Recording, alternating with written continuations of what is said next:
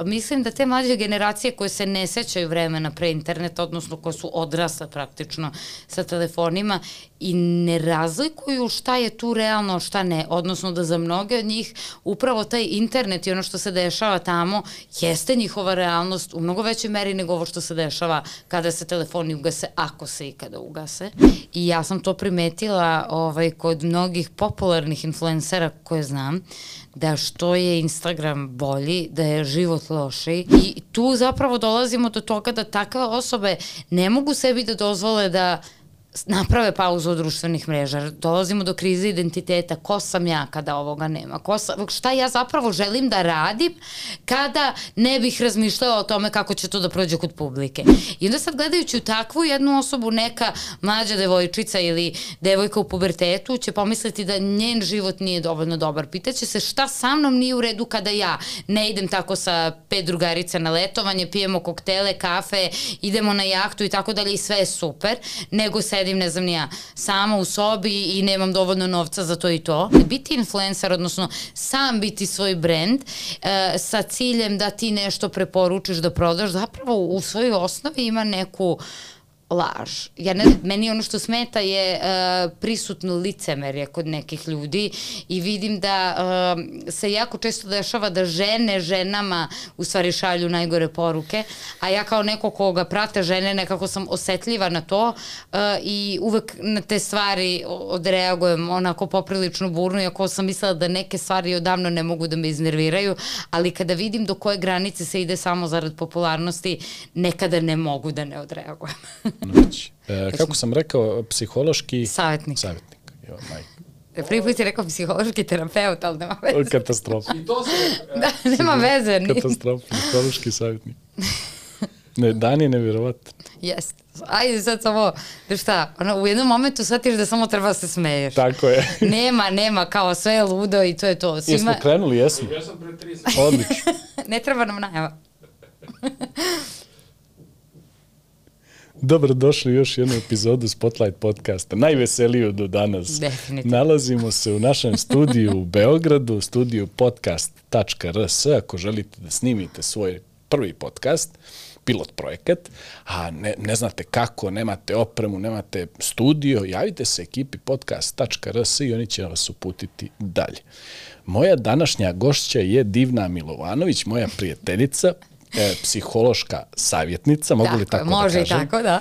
ok, Divna, dobrodošla u Spotlight E, bolje te našla, hoćemo da kažemo da snimamo ovo po drugi put. Naravno, naravno. Zato što nam je dan toliko pun raznih dešavanja da smo čak morali, šta se desilo zapravo, neki tehnički problemi, ali smo sve, ovaj, sve odlučili da snimimo ponovo, tako da bit će sad još bolje. Radimo ono što volimo, Tako, osmih na lice. U sjajnoj ekipi, što mi je, što mi je ovaj, jako važno u ovom prelepom prostoru, tako da baš, baš mi nije teško da ponovimo. Puno ti hvala što si u sedmom i po mjesecu došla s nama malo da pričaš po ovoj vrućini beogradskoj. Dodaješ mi tih pola meseca, e ja se sve trudim da kao mi deluje da što dalje. Ali da, se, sedmi, lagano ulazimo, da. Hva, hvala ti lijepo zbog toga. Ovaj, danas pričamo o Instagramu, mm -hmm. uti, uticaju Instagrama na, na omladinu, na nas mlade ljude, tebe i mene. I, i, Da. Ovaj, i, reci mi, molim te, ovako za, za početak, kako Instagram utiče na našu percepciju stvarnosti, uh, uh, kako mi to stvarnost poimamo danas mm -hmm. uz Instagram kao nešto što 96 puta dnevno čekiramo kako pokazuju neka istraživanja. Da, to, to mi je vrlo interesantan podatak. Ja mislim da bih se uplašila u stvari kad bih saznala koliko i ja puta uđem na Instagram. Mislim da kažu da Amerikanci čekiraju telefone, sad ne mora neophodno znači da je samo Instagram, 96 puta dnevno, što je na svakih 10 minuta. Ali uvek ti kada čekiraš telefon malo gdinaš u te mreže, ono kao vidiš neka Kad sam već tu, ono. Kad sam već tu i onda 15 minuta kasnije nastavljaš tamo gde si stao. To mi se dešava, uh, utiče na našu percepciju stvarnosti, utiče tako što iskrivljuje.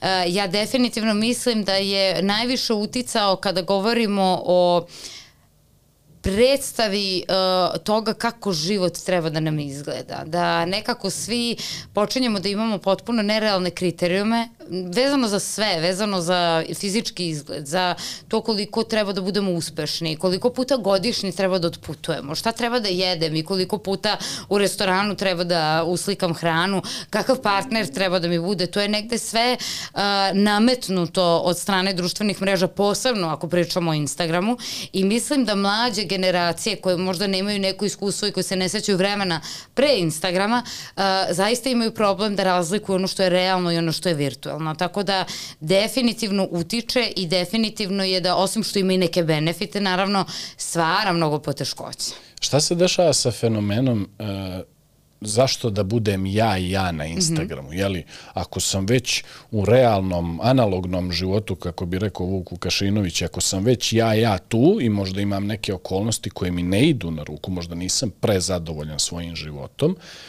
zašto da taj Instagram ne bude kao neki escape mm -hmm. iz te realnosti i da se ja tu predstavim na neki malo drugačiji način? E, objasni mi malo taj fenomen. Pa mnogima društvene mreže upravo za to i služe. Za uh, življenje nekog života koji bi voleli da imaju u stvarnosti, ali ga nemaju i onda pokušavaju na taj virtualan način ne samo okolinu, nego i sebe da uvere da im je bolje nego što jeste. I tu onda dolazimo do toga, meni je to bio vrlo interesantan fenomen fenomen, jer ja negde zaista imam utisak da ljudi koji imaju uh, jako uspešne Instagram profile, koji nisu uspeli možda da naprave tu distancu između onog što su oni zapravo i onoga što je samo ta persona za javnost, odnosno šta je njihova javna ličnost, uh, imam utisak da su to osobe koje zapravo iz svog ličnog nezadovoljstva forsiraju neki način života i neku sliku koju žele da predstave drugima, a onda drugi gledajući tu sliku osjećaju da ni njihovi životi ne, nisu dovoljno dobri i onda tu samo dobijamo jedan čitav lanac ljudi koji su nezadovoljni i iz tog nezadovoljstva trudeći se da plasiraju nešto što ne postoji, čine i okolinu još nezadovoljnije. Kad si rekla lanac, ili to ovaj social validation feedback loop, pričat ćemo o njemu tako, tako i šta on sve može da mm -hmm. prouzrukuje u našem stvarnom životu. Ali vratit ću se e, za, za pripremu za ovaj podcast, iskoristio sam jednu audio knjigu i na samom početku kaže jedna jako lijepa priča. Kaže, e, idu dvi, e, plivaju dvije mlade ribe Aha. i pored njih prolazi stara riba. Dobro. I stara riba prođe i kaže, kakva je voda? A oni se pogledaju i nastave dalje da plivaju. Znaš. Mm -hmm. I posle jedno pet minuta ovaj se okreće put druga i kaže, šta je to voda? da. Ne, nevjerovatno. Mm -hmm. Ko, mlada genera, generacija, generacija Z, da. oni su u ovome svemu se rodili. Tako. Oni ne znaju, ne znaju istorijat, oni ne znaju šta je to što oni imaju u ruci. Oni možda znaju, ne možda, sigurno znaju možda da ga bolje koriste od tebe i od mene. Sigurno, sigurno. Ali koliko je taj fenomen, šta je to voda, šta je to internet, šta je to Instagram. Šta uopšte postoji izvan toga. Tako jer je. nekima je verovatno to realnije nego ovaj život izvan interneta. Znaš, ja plivam, ali ne znam u čemu plivam. Uh -huh. e, upravo to, mislim da te mlađe generacije koje se ne sećaju vremena pre interneta, odnosno koje su odrasle praktično sa telefonima i ne razlikuju šta je tu realno, šta ne, odnosno da za mnoge od njih upravo taj internet i ono što se dešava tamo jeste njihova realnost u mnogo većoj meri nego ovo što se dešava kada se telefoni ugase, ako se ikada ugase, jer imamo i taj fenomen da zapravo to biti offline u današnje vreme jeste možda najveći luksuz, ali to samo mi koji možda pamtimo vreme pre interneta uh, želimo sebi da priuštimo, mislim da osobe koje su do te mere se srodile sa životom na internetu nemaju čak ni potrebu da ikada budu offline, što, što jeste loše.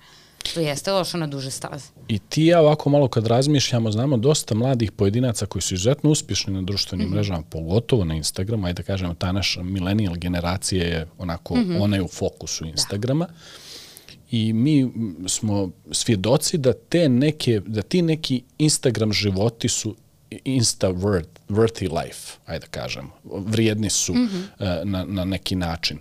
Ali šta se dešava uh, kad ta vrijednost sa Instagrama ne može da se neophodno prelije na svakodnevni život, odnosno najčešće se ne preliva, nego je suprotna onome što se zaista dešava u tom nekom analognom ili offline životu. Upravo, upravo. Nekada je to sušta suprotnost i ja sam to primetila ovaj, kod mnogih popularnih influencera koje znam, da što je Instagram bolji, da je život lošiji i da kada osoba zaista uh, počinje da živi upravo tu svoju uh, Instagram personu, odnosno personu koju plasira na mrežama i zaboravlja koje zapravo dolazimo do toga da se dešava velika zavisnost od reakcija, od feedbacka, da počinjemo da gledamo i sobstveni život i sebe kroz to kakvu ćemo reakciju dobiti. E, da se naš život i e, sve aktivnosti u toku dana svode na to da li ćemo imati dobar kontent, ne na to šta se meni radi, šta ja želim, šta osjećam u tom trenutku, nego da li je to instagramič slično.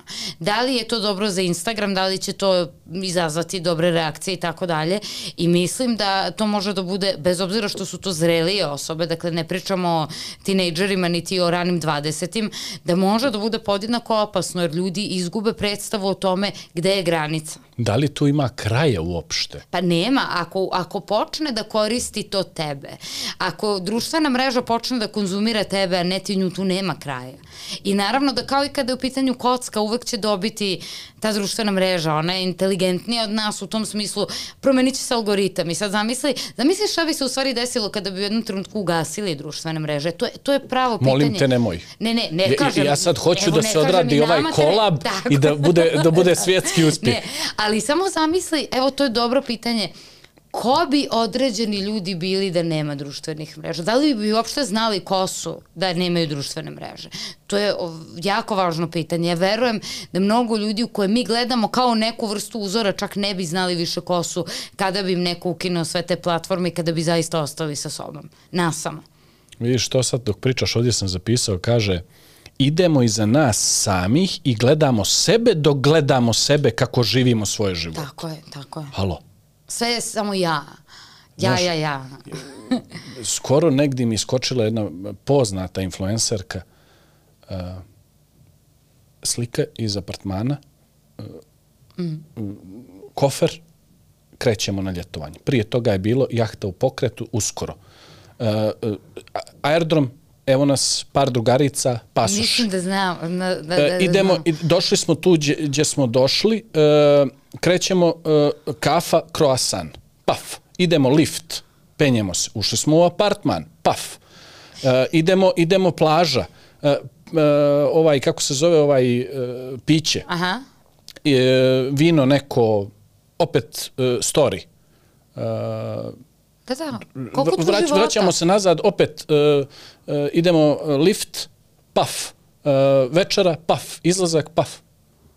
Koliko tu života zapravo ima? I da li ga ima? Zna, ti bukvalno praviš dokumentarac svoga života. Da li ti živiš ta dva dana? Ti, ti si sve podredio tome da to bude interesantno Instagram publici. I, i da li kapiraš da, to, da će to da traje u nedogled. To, to i traje u nedogled i to su ljudi koji zapravo upravo to nemaju na kraju više svoj život, jer se i taj život koji vode svodi na to kako ga što bolje plasirati publici i tu zapravo dolazimo do toga da takve osobe ne mogu sebi da dozvole da naprave pauzu od društvenih mreža. Dolazimo do krize identiteta. Ko sam ja kada ovoga nema? Ko sam, šta ja zapravo želim da radim kada ne bih razmišljala o tome kako će to da prođe kod publike?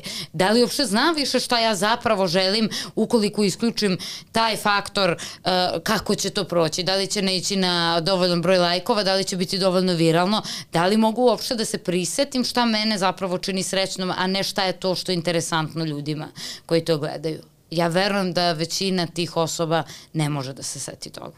Amerikanci su e, tu jako e, prisebni, ne rade dosta studija, mm -hmm. iako im e, ne ide baš najbolje u stvarnom životu, oni urade da, studiju to, za to. Dobro. Pa onda jedna studija kaže divojčice od 12 do 17 godina, s početka 21. vijeka, neka 2000 ta godina, kaže jedna u 10 je prijavila prethodnoj godini da je imala neki mentalni breakdown. Mm -hmm. 2016. nepunih 15 godina, E, nakon toga jedna u pet je prijavila da je imala uh, major breakdown.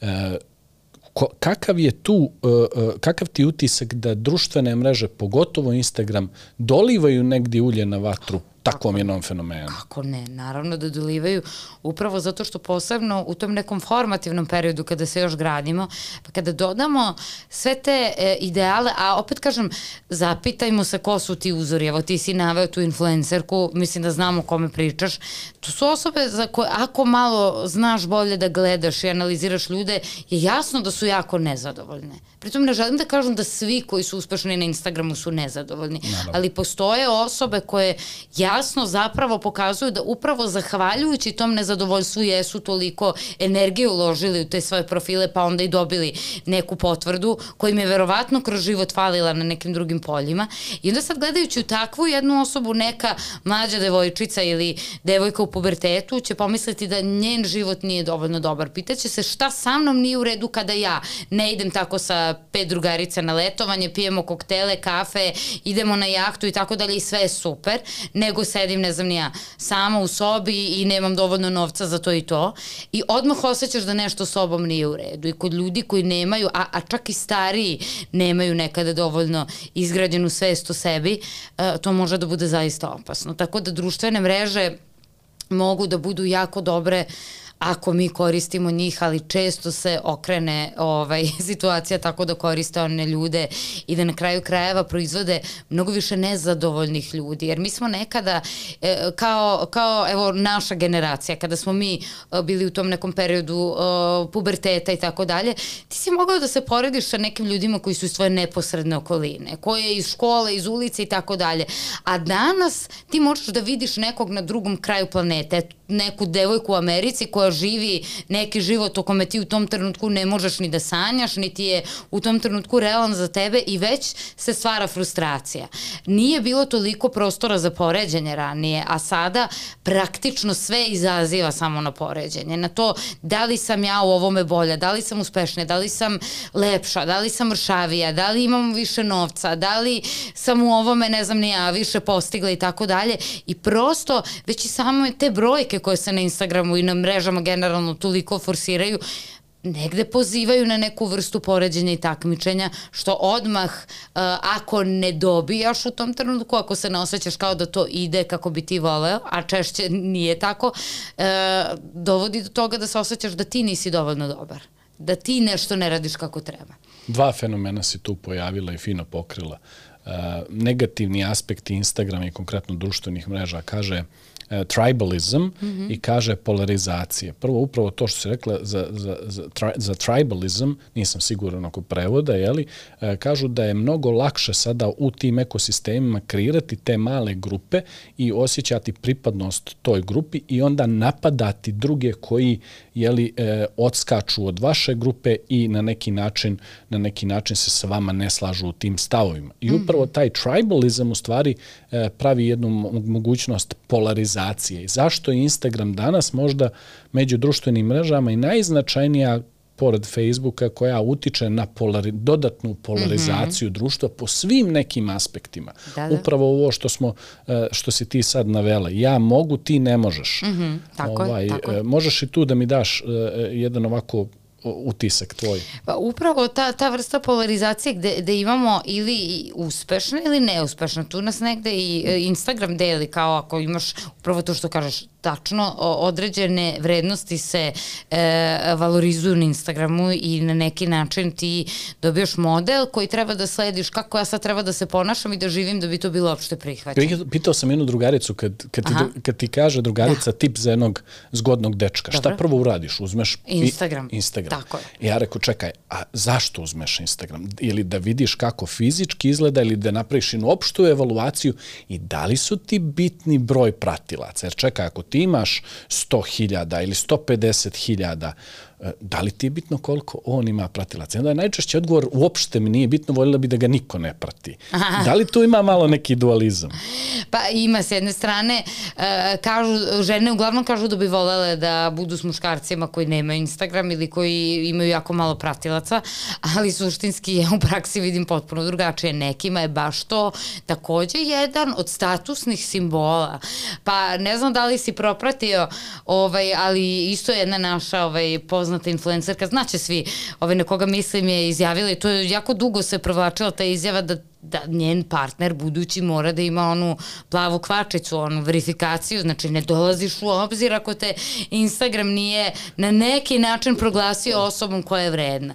Evo, ne znam da li si propratio koliko Instagram samo zaradi od prodaje tih... O, ozbiljna cifra u pitanju. Šta zapravo znači ljudska glad za priznanjem? Tako Koliko smo mi spremni i novca i svega da uložimo samo da bi se osetili dovoljno vredno. I to nije samo na ovom polju, to je generalno ono što je najbolji kupac na svetu jeste ljudska sueta, jeste ljudska potreba da bude uh, priznat, da, zapravo da dobiješ tu potvrdu da si dovoljno dobar. To, to je najbolji kupac, najbolji potrošač, to je ono čime se manipuliše i to je zašto nam nikada neće reći da smo dovoljno dobri takvi kakvi jesmo.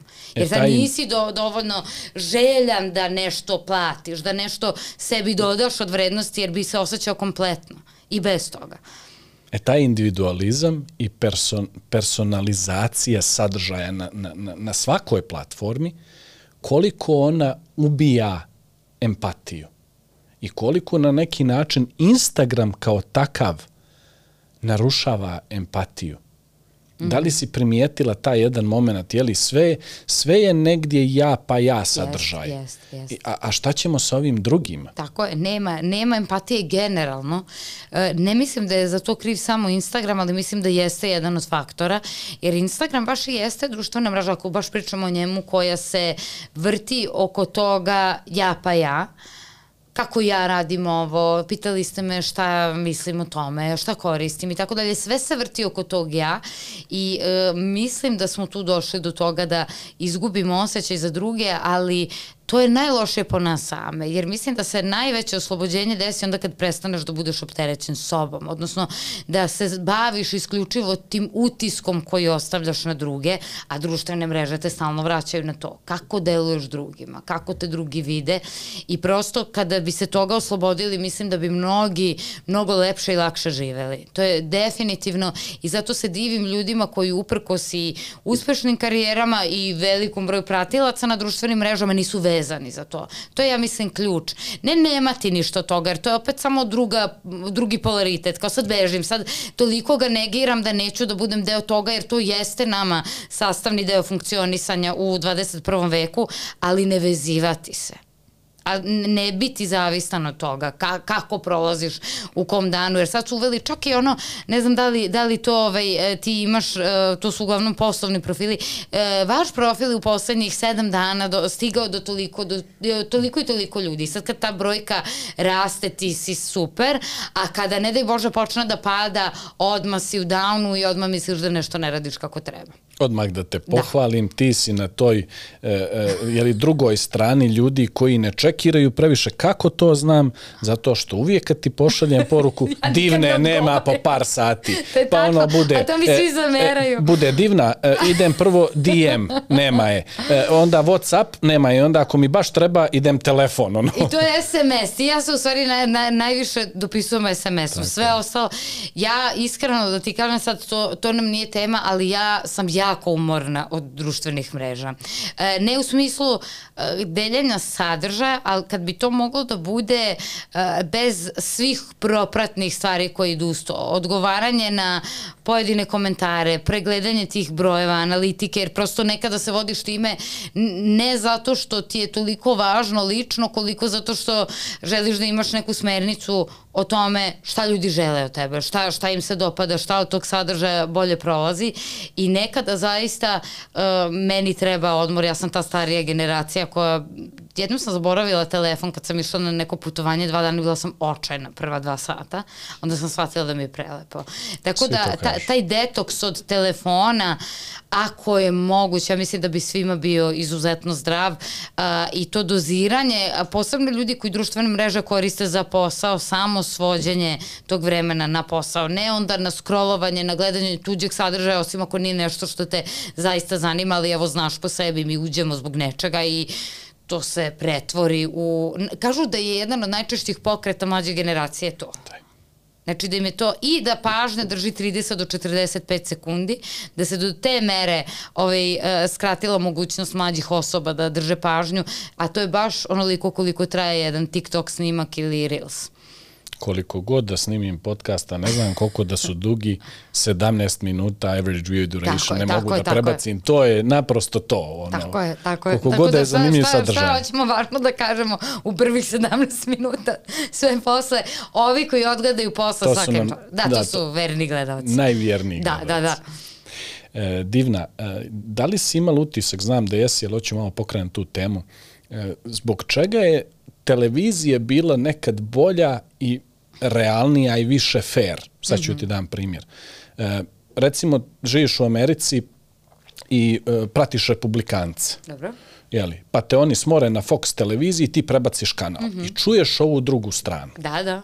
Danas, kroz sve to što si ti generisala u tvoj feed i one informacije koje imaju u tebi, jel imaš utisak da ti ne izlaziš iz kruga tvog interesovanja? Tako je, tako. Naprosto ti si u začaranom krugu stvari koje voliš i ti više nemaš percepciju da postoji drugo mišljenje. Ti na neki način ne dozvoljavaš drugim ljudima da imaju oprečno mišljenje. Daj mi tvoj komentar. Tako je, i to je baš ovaj, interesantno, jer društvene mreže bi trebalo da nam daju širinu, odnosno moć izbora, ali onda kada pogledaš kako algoritam funkcioniš, odnosno kako samo e, krene da ti plasira ono što je u skladu s tvojim interesovanjima, ono što pretražuješ, ti odjednom upadneš u neki začarani krug i više ništa od informacija koje nemaju veze sa time ne dopira do tebe.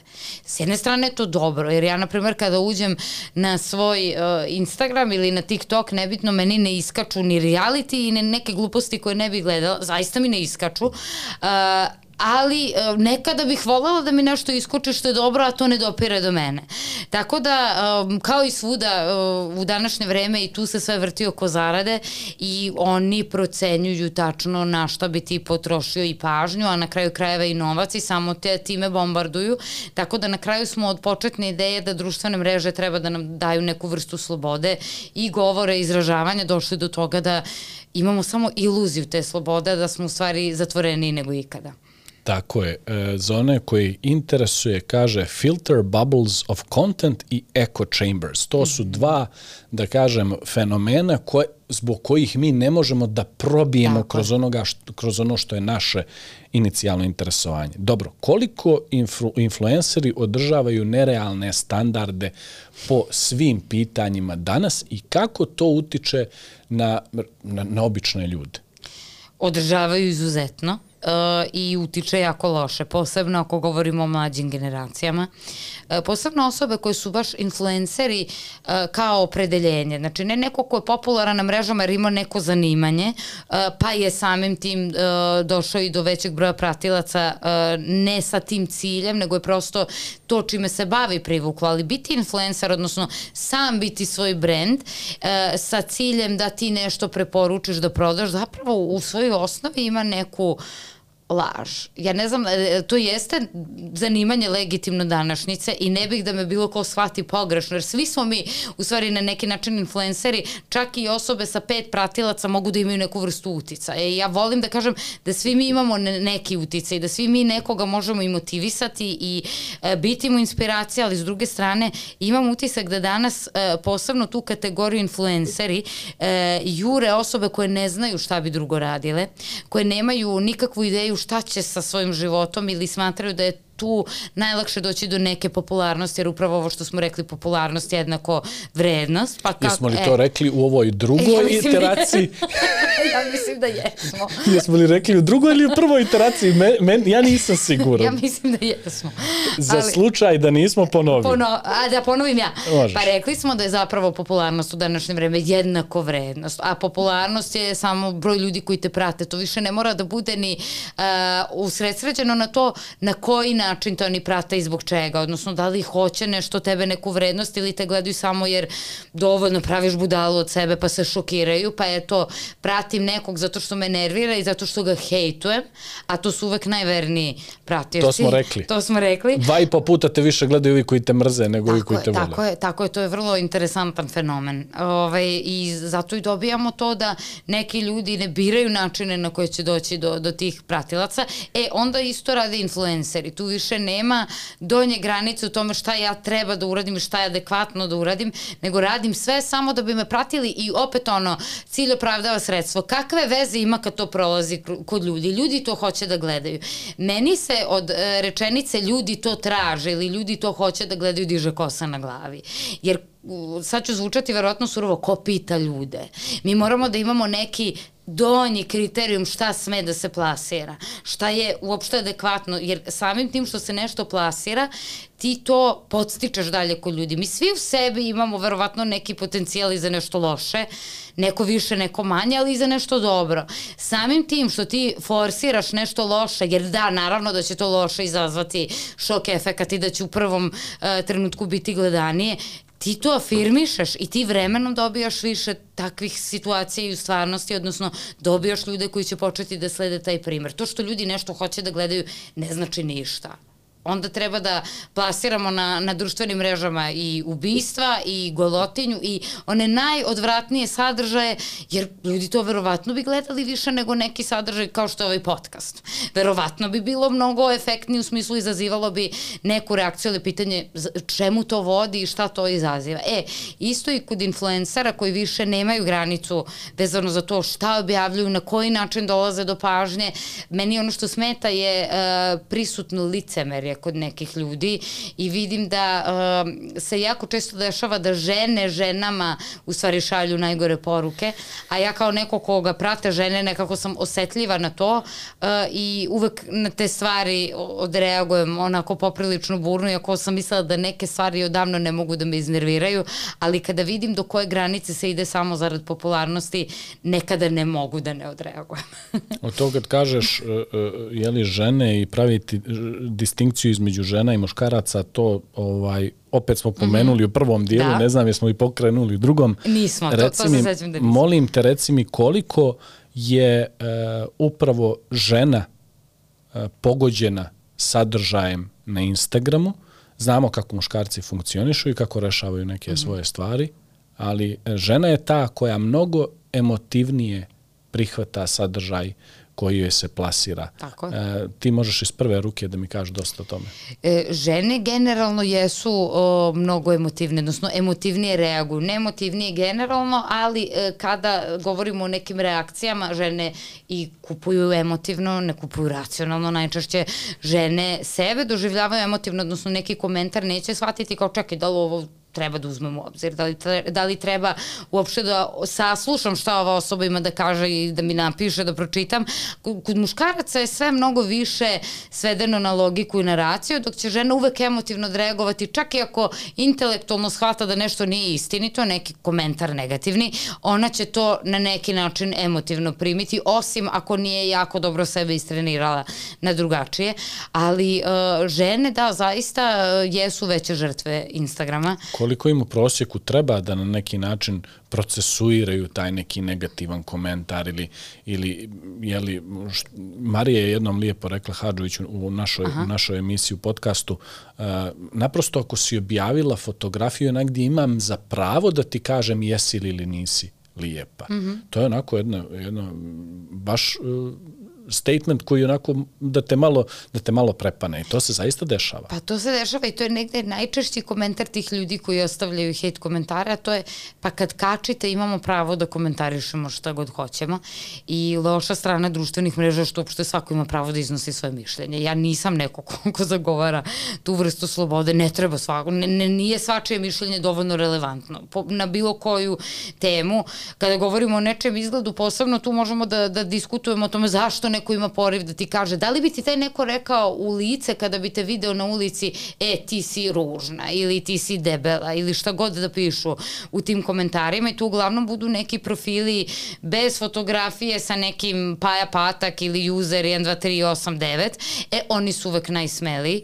I tu... Takozvani tastatura ratnici. Tako je, tastatura mafija i tako Ne, oni su, i jesi primijetila kako taj fenomen, ti si ranije imala, tačno si znala kojim uh, krajevima Beograda, ono, ne smiješ da prođeš uveče ako si muško, znaš, prozvaće te neko, šta ti imaš da šetaš mojim krajem?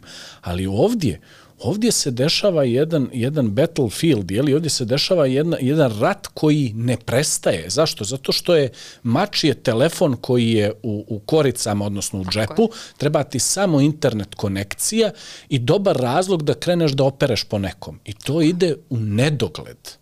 A taj razlog uglavnom nema veze s tom osobom. Uglavnom ima veze sa uh, tobom, odnosno sa onim ko ostavlja komentar. Nema veze sa osobom kojoj se ostavlja komentar. Uh, jer često neki ljudi, ja imam utisak da dođu isfrustrirani, besni. Traže pažnju. Tako je, i da im je, sa, tako je, i da im je samo cilj da nekog drugog zapravo povrede ili da mu ostave neki komentar kao, e, nećeš ti biti sad srećna, nećeš ti biti nasmena, vidi kako se sredila, sad ću njoj da napišem da joj ne znam, ja, to i to ružno. A suštinski, kada pogledaš, čak i da pomisliš da je nešto ružno, čemu potreba da to pišeš? Ja ne znam da li si ti ikada ostavio nekom negativan komentar, ja ne. E, ne zato što ne mislim ništa negativno, nego prvo mrzi me, a drugo, ne vidim šta ti, ko, ko, koju vrstu zadovoljstva i satisfakcije time dobiješ. To je kao da nekog zaustaviš na ulici, ko te ne pozna i kažeš, jao što si se ti ružno danas obukla, da li bi to uradio? Pretpostavljam da ne. E, to je isto tako. Dakle, sam čitao jednu zanimljivu knjigu o kojoj ću isto pričati u ovom podcastu, ali ne sada sa tobom. Ovaj, e, čitam jedan dio i kaže kako kako da razvijemo tu debelu kožu. Jel? Aha. I u momentu dok to čitam, napravio sam pauzu i e, odem na Facebook i vidim da mi je drug Mirkove fotografije se zovu, e, sjaje, sjajan dečko, e, ima svoje konje i bijeli bjelasicom možeš sa konjima da, da, da prođeš čitav jeli, čitav taj dio vjenačnih planina.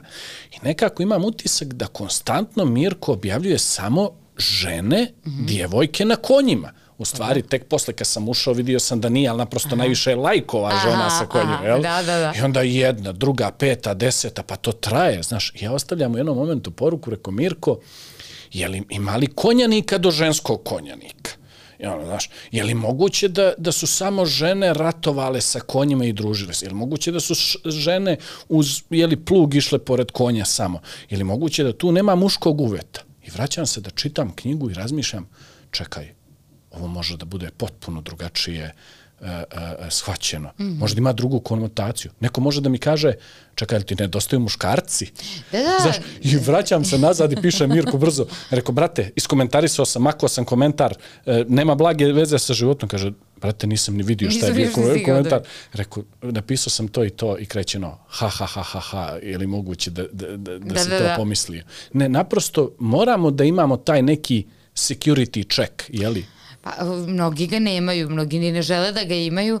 I sada baš kada pričamo o tim komentarima, meni je to interesantno zato što e, meni se jednom desilo da sam shvatila koja mi osoba nešto komentariše e, sa nekog lažnog profila i to je osoba koja je uživo prema meni bila toliko ljubazna i toliko nikada sigurna sam ne bi se usudila da kaže tako nešto, ali ti shvataš da zapravo E, čak i kroz te komentare mnogi žive tu svoju ličnost koju nemaju hrabrosti da ispolje u stvarnom životu. Pa ako hoću da budem dovoljno, da, da, da, da imam dovoljno hrabrosti da ti nešto kažem, a nemam, ja ću onda da napravim lažan profil, pa ću bar tu da budem hrabar i da pišem nešto i da ti ja kažem šta stvarno mislim.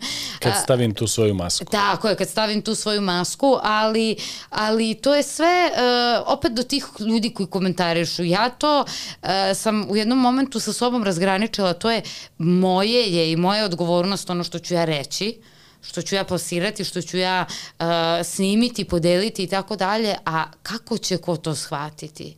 To toliko nije u mojoj kontroli, toliko nema veze sa mnom, jer ljudi to provlače kroz neki svoj filter, što uverenja, što ličnih nezadovoljstava, frustracije i tako dalje i svako će tu čuti nešto što je za njega. I meni se mnogo puta desilo da na istu objavu dobijem i najbolje moguće komentare i najstrašnije moguće uvrede, da se ja pitam da li je moguće da ljudi ovako različito percipiraju jedan isti sadržaj, a vrlo jednostavne stvari, ja vrlo to jednostavno govorim, ja nisam neko ko ostavlja neke skrivene poruke, kod mene je sve onako u glavu. Da li je moguće da ljudi to toliko različito čuju i onda shvatiš da nije do toga što je rečeno, nego do onog ko sluša ili ko gleda? Tako je. Dotakla si se pažnje, pogotovo kroz ovaj negativan efekt tastatura mafije. ovaj, da. E, e, I shvatimo negdje da negdje kad ljudi onako od nas baš napadaju, shvatamo da nema osnova i negdje se sa možda, možda sa njima, što je vrlo često i pogrešno, sa njima negdje i, i e, nagnamo i jeli, dođemo do, do nekog gracije i oni shvate da su pogriješili. Naprosto je tu uvijek uzrok pažnja. Ja preko napada na divnu želim pažnju za sebe. Mm -hmm. E šta se tu dešava? Instagram je to jako lijepo iskoristio, odnosno uopšte meta, a sad ću ti dati i brojke da shvatiš zbog čega. Znači kaže, e, socijalna interakcija je pozadina društvenih mreža, pogotovo Instagram. A iza te socijalne interakcije dešava se pažnja. Pažnja je danas društvena valuta. Tako. To je droga, to je najbitnija stvar. stvar. Kroz tu pažnju oni nama samo od reklama koje nam prodaju na godišnjem nivou, evo ti podatak, mm -hmm. 2020. godina Google 147 milijardi dolara. E, Meta 84 milijarde dolara. Twitter 3,7 milijardi. E, -hmm. Da li shvataš da, da Meta proizvede više nego dva puta koliko proda Coca-Cola na godišnjem da, nivou. Da. Samo prodavajući pažnju. Šta možeš da mi kažeš o pažnji danas? Pa, ovo si baš lepo rekao, ona jeste stvarno današnja valuta i neko merilo vrednosti. Ne zato što zapravo jeste, nego zato što se kroz pažnju zapravo i ljudi pridobijaju, pa samim tim kada posvete pažnju nečemu postaju lakše i za kontrolu i za manipulaciju. Mislim da i toga ima dosta i da zapravo sve ovo što nam se dešava, sve ovo što gledamo i u medijima, nevezano od društvenih mreža za cilj ima da te uhvati i da ti privuče pažnju. Baš zato i jeste sve tako bombastično, zato jeste toliko ekstremno, zato jeste negativno često, jer mu je cilj da dobije pažnju, ne da informiše, ne da ti da neku vrednost. Jer mnogi kada pričamo o društvenim mrežama, pa stručnjaci kada kažu kako da, ne znam, nije, unapredite biznis na društvenim mrežama, dajte ljudima vrednost. To nije tačno. Ljudi neće vrednost, ljudi hoće stimulaciju. Nažalost, naravno, bilo bi mnogo lepše da ljudi stvarno traže vrednost, ali ljudi prvenstveno traže stimulaciju i to je taj dopamin koji sam prvi put spomenula. To je da svaki put kada uđemo na društvenu mrežu i mi kao kreatori i neko ko gleda, ti izlučiš određenu dozu dopamina. E, posebno kada vidiš da si dobio pažnju, kada dođeš, uđeš, otvoriš profil, a imaš ne znam nija koliko novih notifikacija i baš bi mi bilo interesantno, to sam takođe rekla, da vidim kako bi ti neki popularni influenceri e, reagovali kada bi Pa recimo Instagram napravio eksperiment da recimo svako od njih po 7 do 10 dana ulazi svaki dan na svoj profil i da ima nula novih notifikacija. E, e tu se zapravo priča o pažnji, koliko smo zapravo i zavisni od tuđe pažnje, ali koliko je i ta naša pažnja potrebna onima koji od nje zarađuju i profitiraju. Tako da pažnjom se danas trguje u najvećoj meri i baš zato i jeste manje važno šta se plasira. Važno je samo ko će to i koliko ljudi da gleda i koliko će emotivnih reakcija iz toga proizići da bi onda ta pažnja nastavila da se drži na tom nečemu. Jer upravo to, e, kada imaš negativne komentare, zašto su e, ti e, hejteri u stvari najveći fanovi, oni mnogo više pažnje posvećuju. Onda kada ti neko ostavi negativan komentar, tu se obično razvija diskusija i tu ide mnogo pažnje na taj tvoj post. Instagram ne znam šta se ti ni tih zanima, da li je to lepo, ružno, pametno, glupo. Poenta je, znači ima pažnje, nešto se dešava a kada su samo srca, leptirići, sve super, bude komentara i to samo zamre.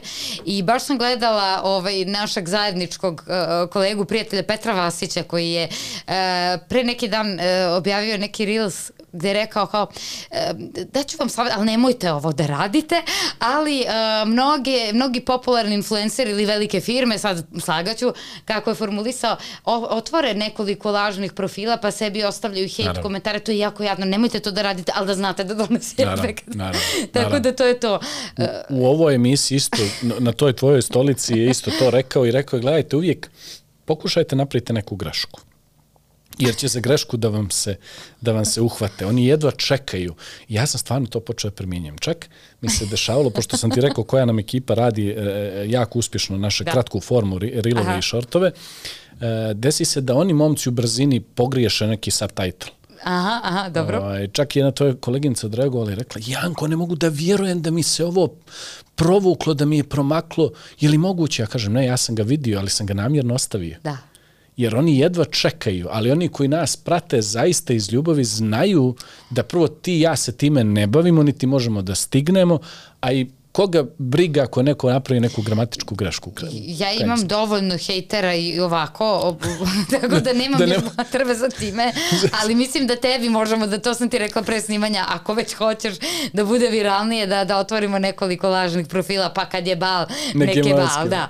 Ali šalu na stranu, te greške su normalne. Ja mislim da upravo to je jedan od imperativa društvenih mreža da smo osetili kao da nemamo pravo na grešku, a baš greške u stvari privuku pažnju i to na kraju ispadne bolje kada vide da nisi nepogrešiv, da nisi samo neka osoba koja uh, se plasira kao... Da si od krvi i mesa. Tako je, tako je, koja se plasira kao neko savršenstvo bez mane, mislim da ljudi na to pozitivno odreaguju i te greške koje se meni dešavaju, to je isto u montažama i ostalo, pa mi se neki jave da me napljuju, nekima je to super jer vide da je to zapravo stvarno, da i ti pogrešiš, da se i tebi omakne, ali e, posao i generalno, ako pričamo sad o Instagramu kao o alatu za posao, ni ne može da bude savršen. Mislim, ideja savršenstva koja se forsira toliko je toliko glupa i toliko je nerealna i nije primenjena primenjiva da treba podhitno da je se rešimo. I voljela bih kada više to savršenstvo ne bi bilo toliko uh, nametnuto, jer mislim da bi mnogo stvari izlazilo bolje i autentičnije. A to ono što nam Instagram, svi kažu budi to što jesi, ali uh, pre toga uradi to, to, to i to na taj način. Uh, a mislim da baš treba da radimo onako kako mi hoćemo, to čak i onda taj Instagram prepozna, jer Instagramu nije bitno ni kakav si ti na kraju, ako će to neko da gleda, ok, i odjednom od tebe prave novu zvezdu, iako si možda bio baš u suprotnosti sa svim onim što su do tada plasirali. Tu imamo primere koliko ljudi zapravo koji se ni na koji način nisu uklapali u neki šablon, na kraju su postali viralni, a baš zato što su bili to što jesu jedan jako fin primjer iz iskustva. E, Reel je bio o perfekcionizmu, možda zamisliš. Aha. O perfekcionizmu. je bio Reel. I ja ga uradim i pošaljem ga a, a, a, klijentu, klijentu i ona kaže sjajan je. Ali ja kažem, ček, ček, nisam obojao subtitle, ali Aha. samo još ovo, ali samo još ovo. A video je perfekcionizam. Da, da, da. Apsolutno nemamo više tu, tu percepciju. Kaže, percepcija naše ranjivosti. Mm -hmm. Divna. E, imaš li utisak da ove jeli, generacija Z, da oni imaju uh, percepciju njihove ranjivosti da na neki način misle da su previše ranjivi. E, o, pokušavaju da se potpuno izoluju od svakog oblika negativizma, ne znajući negdje da je upravo i neka vrsta e, izloženosti ti omogući da ti negde stekneš tu debelu kožu koju, koju težimo. E, daj mi malo te, o toj percepciji. E, e, upravo ono što fali toj generaciji Z, ja mislim, e, iako su u mnogim stvarima napredniji od nas, e, ali e, fali nešto što mi imamo, a to je tolerancija na frustraciju. E, baš zato što su odrastali u vreme kada su već telefoni i internet bili toliko dostupni, to funkcioniše tako, ja kliknem i desi se stimulacija. Znači ja odmah na neki svoj klik dobijem nešto nazad. Tolerancija na frustraciju se vežba tako što ti nešto radiš i to se ne dešava. Znaš ono, hoćeš da nešto dobiješ od roditelja, ali moraš pre toga da, ne znam, ja, dobiješ neku dobru ocenu, znači odloženo zadovoljstvo.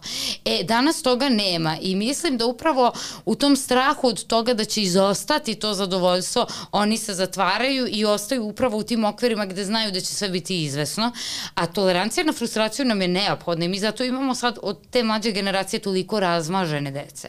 To su ona deca koja se bacaju po tržnim centrima jer nisu odmah dobili ono što hoće i to je jako jako opasno, jer onog momenta kada ti izađeš u realan život, šta god danas bio realan život, shvatit ćeš da ne može svaka tvoja potreba istog trenutka biti zadovoljena.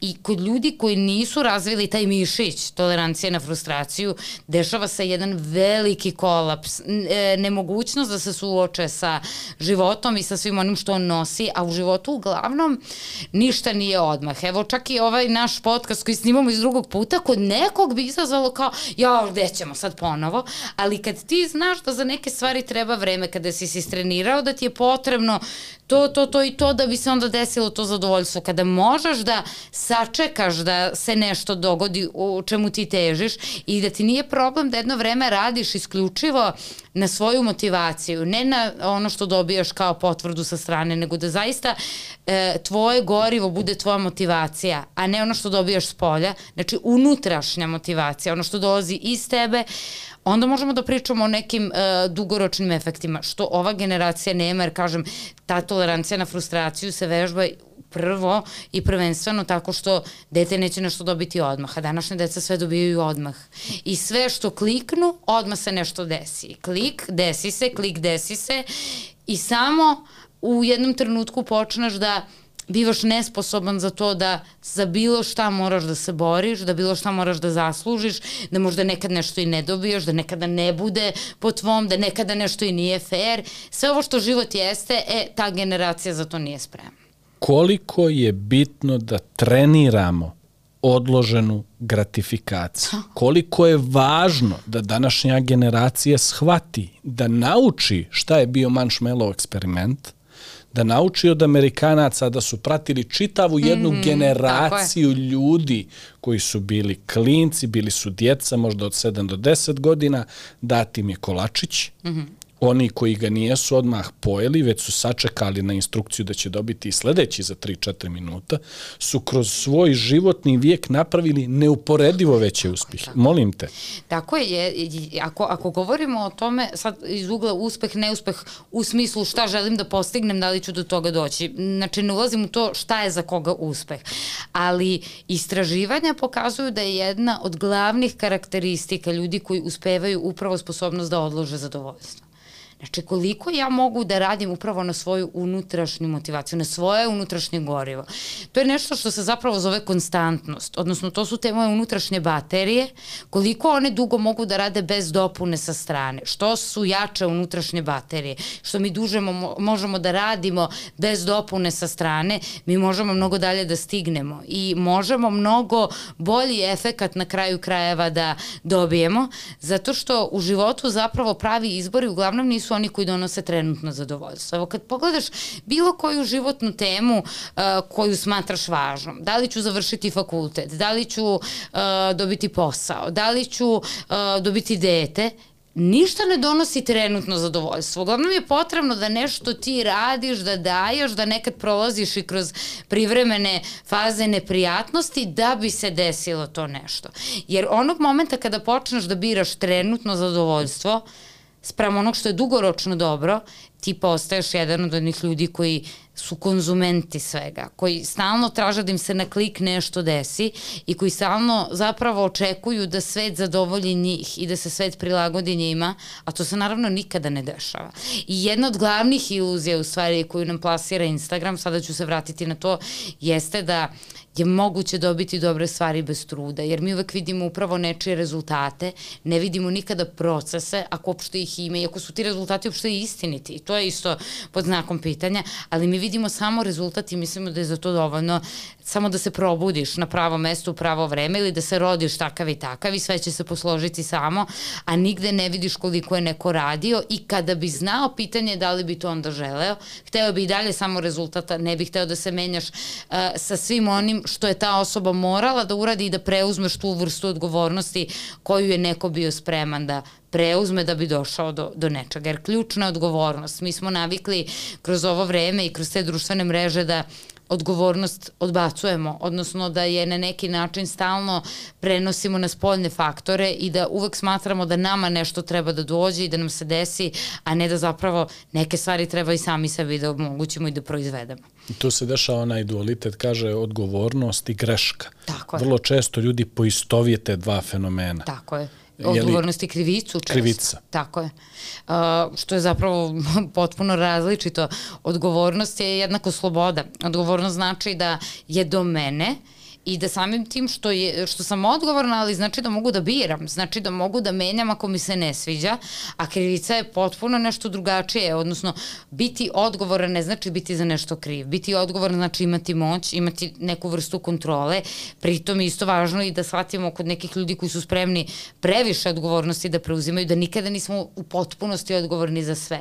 Znači, naći tačno granicu zašto si odgovoran, zašto nisi I onda se posvetiti samo onome za šta jesi je u stvari jedna od najvećih umetnosti u životu.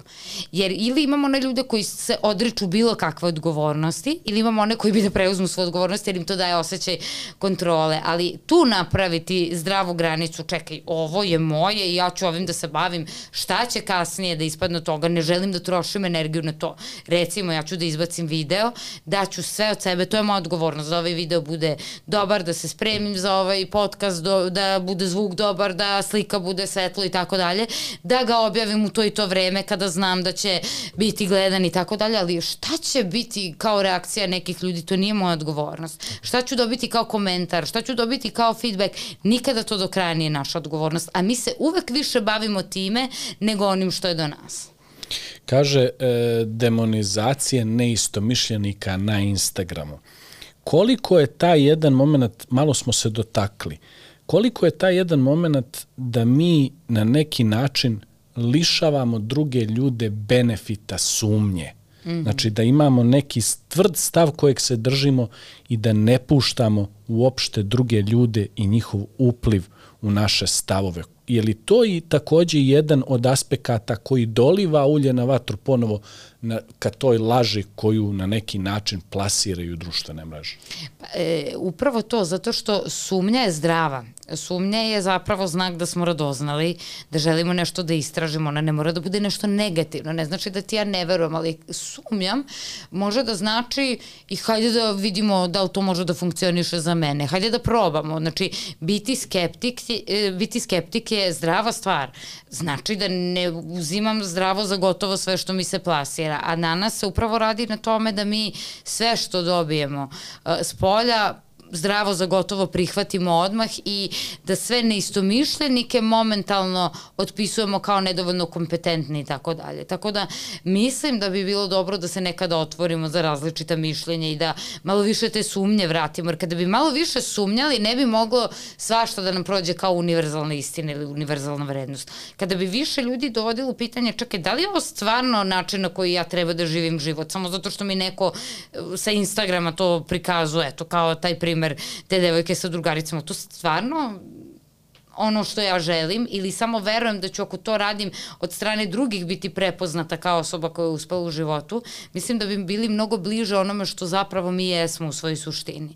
Tako da sumnja je pozitivna ukoliko nas vodi u neko zdravo preispitivanje i postavljanje sebi nekih važnih pitanja.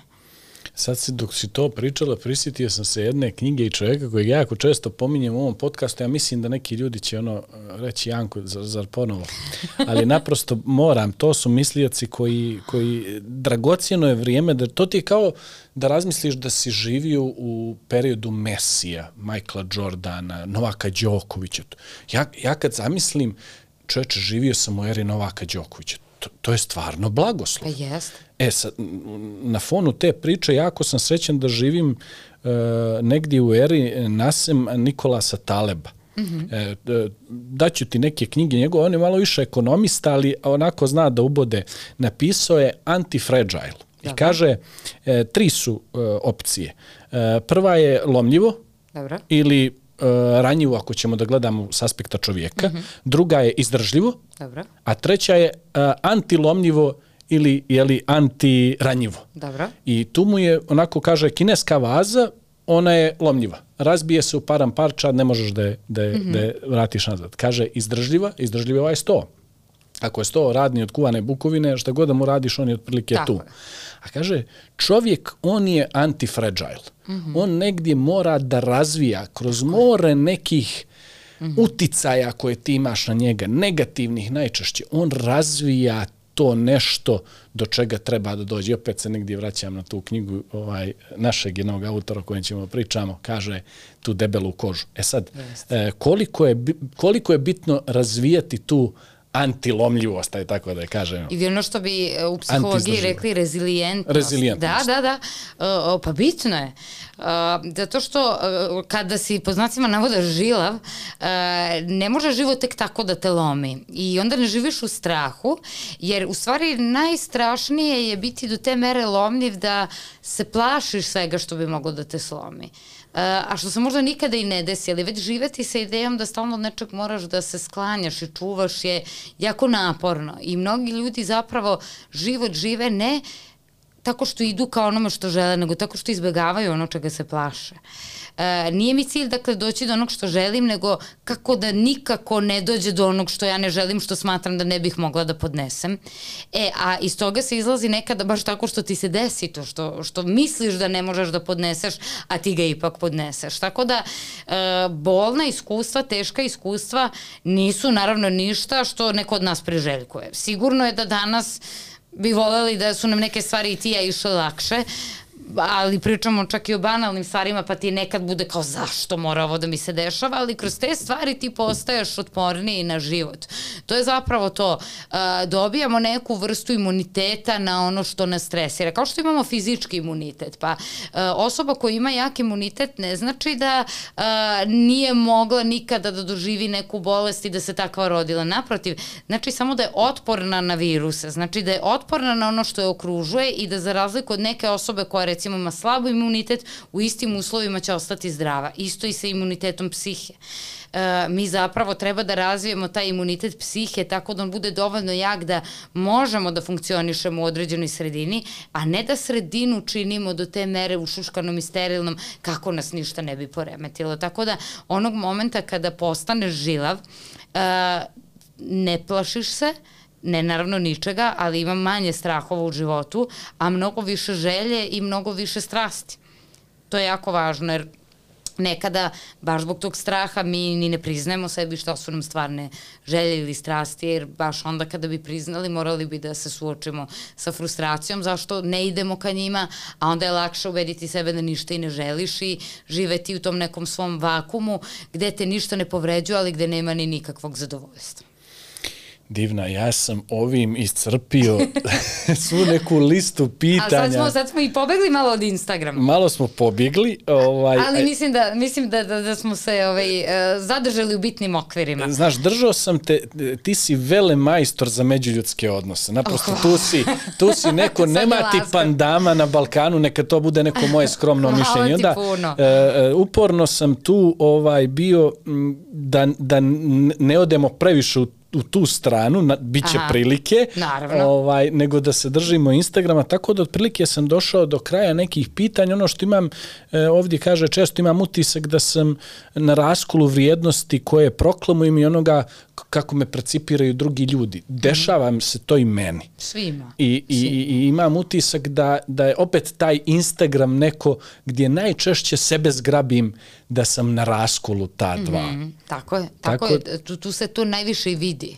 E, zato što smo tu negde neizloženi i upravo to ti u stvarnom životu nemaš prilike da te vidi toliki broj ljudi kao na Instagramu. Tam, tamo praktično nema ograničenja, može da te vidi bilo ko iz bilo koje zemlje ili sa bilo koje tačke na ovoj planeti i da ima neko mišljenje o tebi u stvarnom životu se to ipak ne dešava i onda si tu negde zaštićeni, ali e, verujem da svi imamo tu vrstu raskola. Nije to nešto što ima veze ni sa godinama, ni sa zrelošću, prosto takvo je okruženje koje te stalno testira i stalno te dovodi u situaciju da se prispituješ. Tako da to imam i ja, to imaju sigurna sam svi. Ča, ko kaže da nema, ja mislim da laže.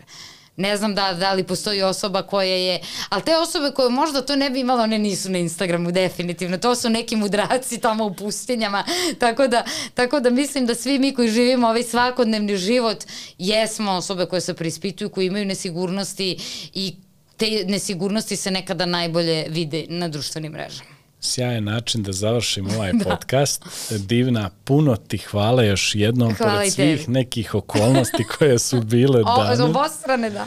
Obostrane, ipak si bila tu, uh, ostala da odradimo još jednu emisiju, smo mi već snimili za sebe jedan podcast. Da. Ovaj, koji će ostati ovako za našu uspomenu. Puno ti hvala još jednom. Puno na, hvala tebi, bilo mi divno. Nadam Stvarno. se da će imati priliku i u Crnoj Gori da te ugostim pa negdje na planini ili blizu mora da pričam malo o međuljudskim odnosima. Mo može, ali blizu mora. Može. samo, samo te molim da neka voda i neko more bude tu. Organizovat ćemo tako. Da, to, to bi mi bilo super, ali bi volela da se svakako u nekom trenutku desi da dođeš i ti kod mene. Uh, jer mislim, jer mislim da zaista imaš puno toga da kažeš i bez obzira što si ovde domaćin, ja bih volela da te vidim negde kao gosta, jer jesi osoba koja, naravno u ovim situacijama negde sebe stavljaš u drugi plan, ne pričaš previše o sebi, ali suštinski mislim da bi ljudima bilo jako interesantno da te upoznaju. Jedva čekam. E, onda smo se dogovorili. Sve smo se dogovorili. Sve. Puno ti hvala. Hvala i tebi. Dobrodošli u još jednu epizodu Spotlight podcasta. Kao što vidite, nalazimo se u Beogradu, u studiju ekipe Podcast RS. Ako želite da snimite svoj prvi podcast, a niste sigurni koja vam oprema treba ili nemate prostor, javite se ovoj ekipi. Danas sa nama je moja prijateljica, eh, psiho, psihološki terapeut, Divna Milovanović. Bolje te našla. Nekako uvijek stanem kod tog prezimena jer imam dobrog druga koji se tako Da, da. preziva i moram da stanem. Divna, dobrodošla. Bolje te našla po drugi put Tako i je. baš mi je drago da, da smo se o, okupili jer se duže vreme ogo, o, ogovaramo, Tako je. dogovaramo, ali i ogovaramo jer smo te pre početka ovaj, snimanja uh, ogovarali sa ekipom.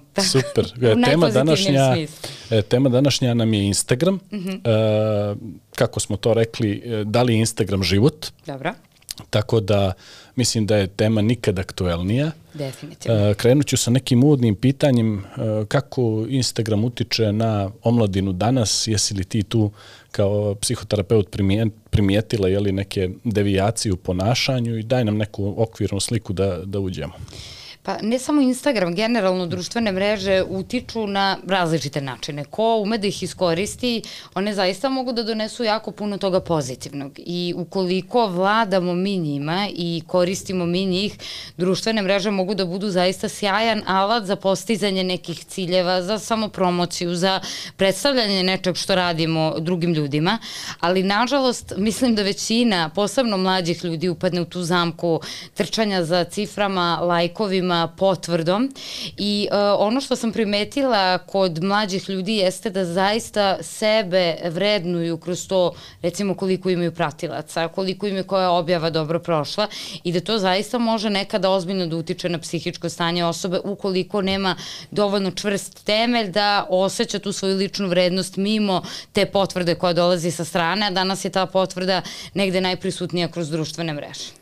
E, vidio sam da se tu pojavio jedan fenomen još u samom početku tih društvenih mreža. E, zašto bih na društvenim mrežama ja bio ja? Mm -hmm. Ako već... Mm -hmm. Hvala Gogili. Hvala. ako već, ako već e, sam u stvarnom životu, što bi rekao Vuk Vukašinović, u analognom životu, Da. ako sam već takav kakav jesam, možda blago nezadovoljan nekim životnim mm -hmm. okolnostima, zašto bih iskoristio e, činjenicu da ne, i na Instagramu ja budem ja. I onda tu imamo već ne, neku devijaciju, neku lepezu nekih Jeste. e, paralelnih života i profila. Šta mi možeš reći malo na tu temu? Definitivno većina ljudi, posebno koji su zaista uh, Instagram shvatili kao svoju paralelnu stvarnost, imaju i paralelnu ličnost za Instagram, odnosno za društvene mreže, ali negde je to najprisutnije dalje mislim na Instagramu. Uh -huh. Facebook više nije kod mlađe populacije toliko aktuelan, TikTok je e, druga vrsta prezentacije i samopromocije, dok Instagram zaista, e, kako je neko rekao, služi da pokažemo koliko smo uspešni. Znaš, kažu Twitter služi da pokažemo koliko smo besni, ostrašćeni, Facebook koliko smo pametni, a Instagram koliko smo uspešni, bogati, lepi i tako dalje.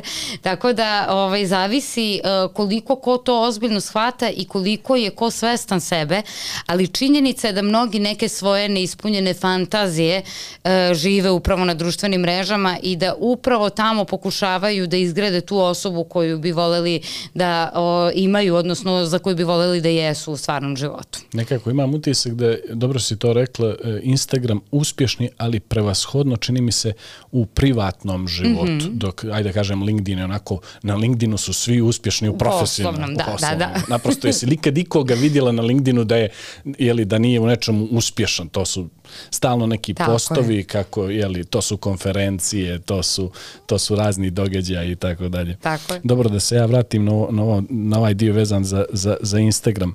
E, mentalno zdravlje mladih. Mm -hmm. e, to je tema koja se jako često pojavljuje danas. E, reci mi ovako, e, prvo nešto što ti pane na pamet vezano za mentalno e, zdravlje mladih i kako u stvari konkretno e, takva jedna platforma kao što je Instagram utiče utiče na, na, na njih. Pošto mene prate pretežno žene, uh, ono što mi prvo pada na pamet jeste potpuno poremećena telesna šema, odnosno slika o sobstvenom telu. Uh, žene, kada mi kažeš poremećaj neke i percepcije i ako govorimo o psihičkom stanju, smatram da zaista slika koja se plasira na Instagramu o tome kako treba da izgledamo, na koji način treba da se oblačimo, kako lice treba da nam izgleda telo, jako negativno utiče na ženske osobe, prvenstveno, i da se tu zaista ogromno ogromno nezadovoljstvo stvara kod mlađe populacije, jer ja vidim da devojčice, ali bukvalno 20 godina već imaju planu šta će da koriguju na sebi, na koji način da se približe zapravo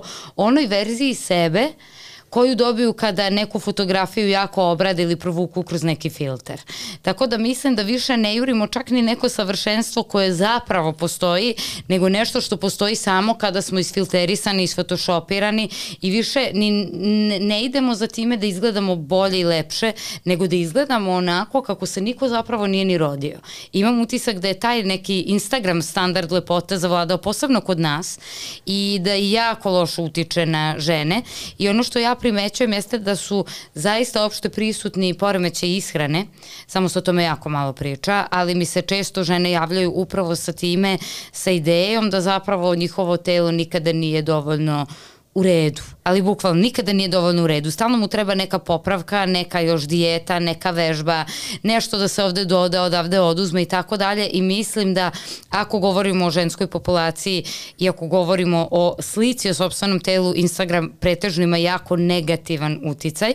Tu moram da spomenem i različite influencere iz uh, oblasti fitnessa, gde nekada to mnogo više bude demotivacija nego motivacija, uh, jer imamo prilike da gledamo ta po znacima navoda savršena tela gde ni ne znamo kako je neko do toga došao, ne vidimo dakle nečiji proces, vidimo rezultat tako i je. smatramo da nešto sa nama nije u redu jer mi ne izgledamo tako, pritom ne znamo ni kakva je nečija genetska predispozicija, koliko neko dugo trenira ili radi određene stvari da bi izgledao tako i na kraju krajeva koliko je to zapravo i zdravo. To isto ovaj, ostaje kao neko pitanje, ali mislim da nekada i ljudi koji forsiraju zdrav način života i koji plasiraju upravo to fitness, fitness, zdravu ishranu, treninge, umeju da utiču na negativan način na psihu.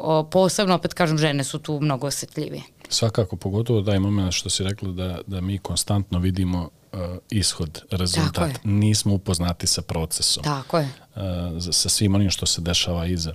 E, napravila si jednu jako lijepu uh, distinkciju i, uvela u jednu, e da kažemo, pod temu uh, kako Instagram utiče na mušku i žensku populaciju. Aha. Ja mogu da, da pohvalim tvoj Instagram profil i jednu, jedan, jedan fanbase djevojaka koje te onako zdušno prate na svim tvojim akcijama. Jako mi drago da to čujem od muškarca, jer muškarci su vrlo podeljeni kada, je, kada su moji, moje objave u pitanju. Moram da ti kažem ovako jedan hint uh, dešavalo mi se da sa mnogo jačom mrežom e, kada je u pitanju muškarac imam slabiji efekt nego sa značajno slabijom po mm -hmm. broju uh, da. subscribera ili followera uh, ženskom osobom. Tako da imao sam par sjajnih uh, uh, uspjeha recimo sa rilovima tvoje koleginice uh, Marije Hadžević. Aha. Tako da sam upoznat upravo sa tim, sa tim segmentom. Možeš da mi kažeš uh, vezano za, za uticaj na žene.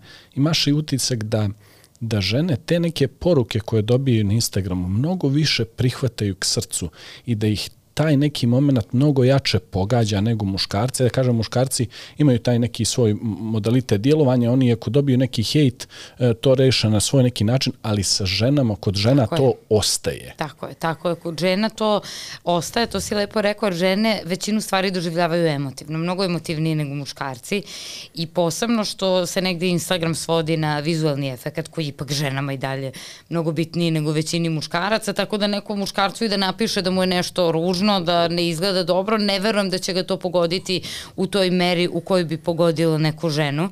E, tako da mislim da su zaista tu veće žrtve e, žene i baš kao što u seriji Seksi grad, ne znam koliko pratiš je rečeno i Instagram i e, društvo, odnosno e, priroda po pitanju starenja je mnogo surovija prema ženama nego prema muškarcima. Vi kad starite, to je nekako uvek lepo, dobijate na toj patini, postajete kao vino, a kad žena počne da stari prirodno i kada ne radi ništa po tom pitanju da to starenje zaustavi, da bude vidi je zapustila se, prepustila se, ne vodi računa i tako dalje, tako da mislim da je prema ženama, kada govorimo o tom vizualnom efektu, sve mnogo surovije i da se od nas više očekuje. Prosto ne bih da neko kaže da opet brani žene, ali to je činjenično stanje.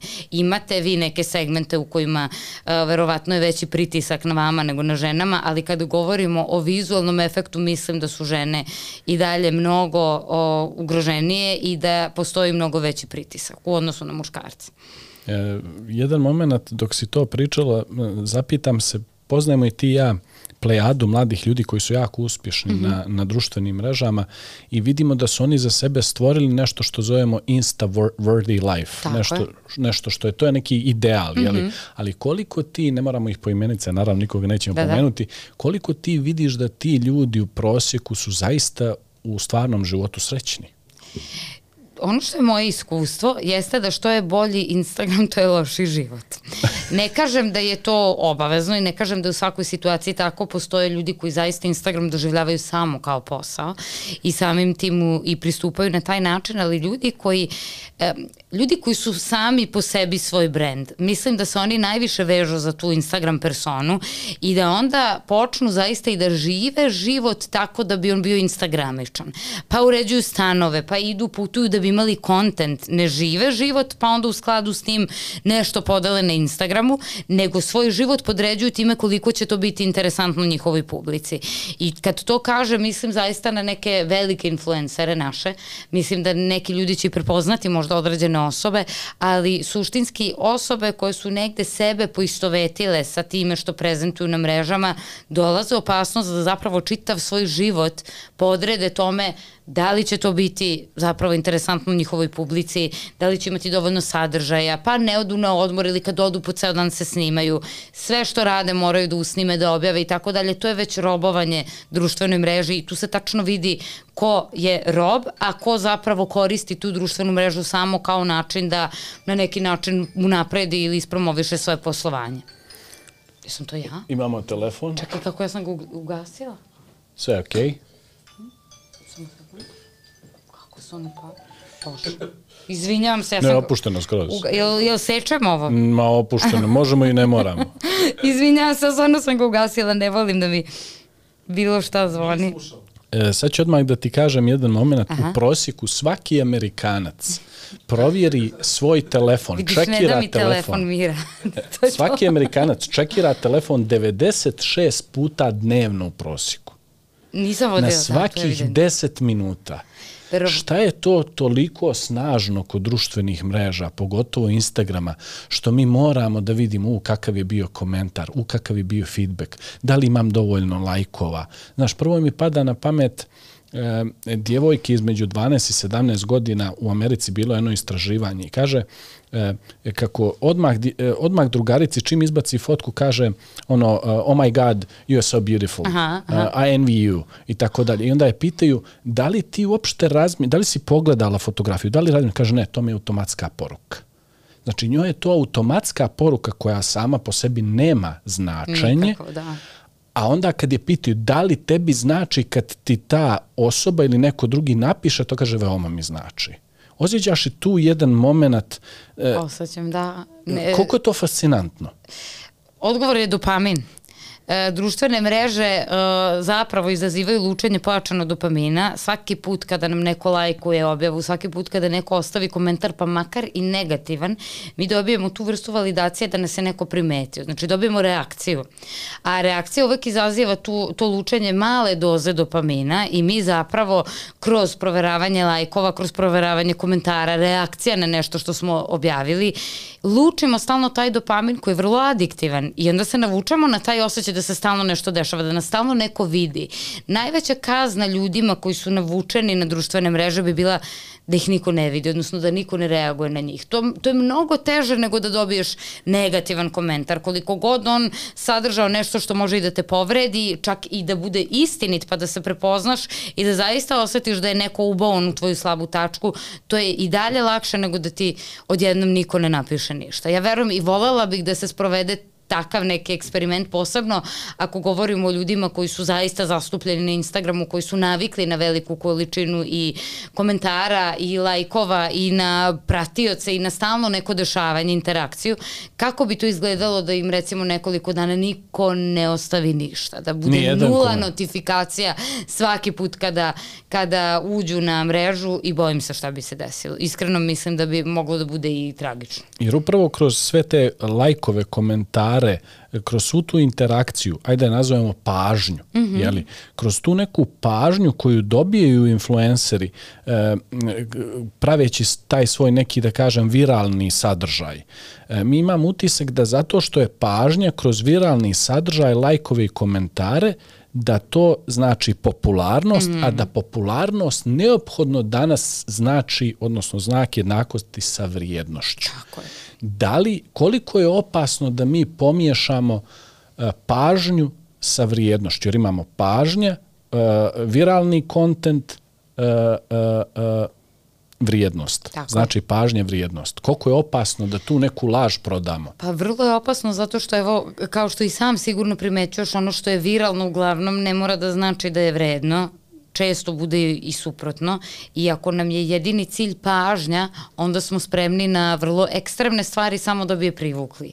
I često to bude negativna pažnja, jer je nju mnogo lakše izazvati nego pozitivno. Ti da bi izazvao pozitivnu pažnju,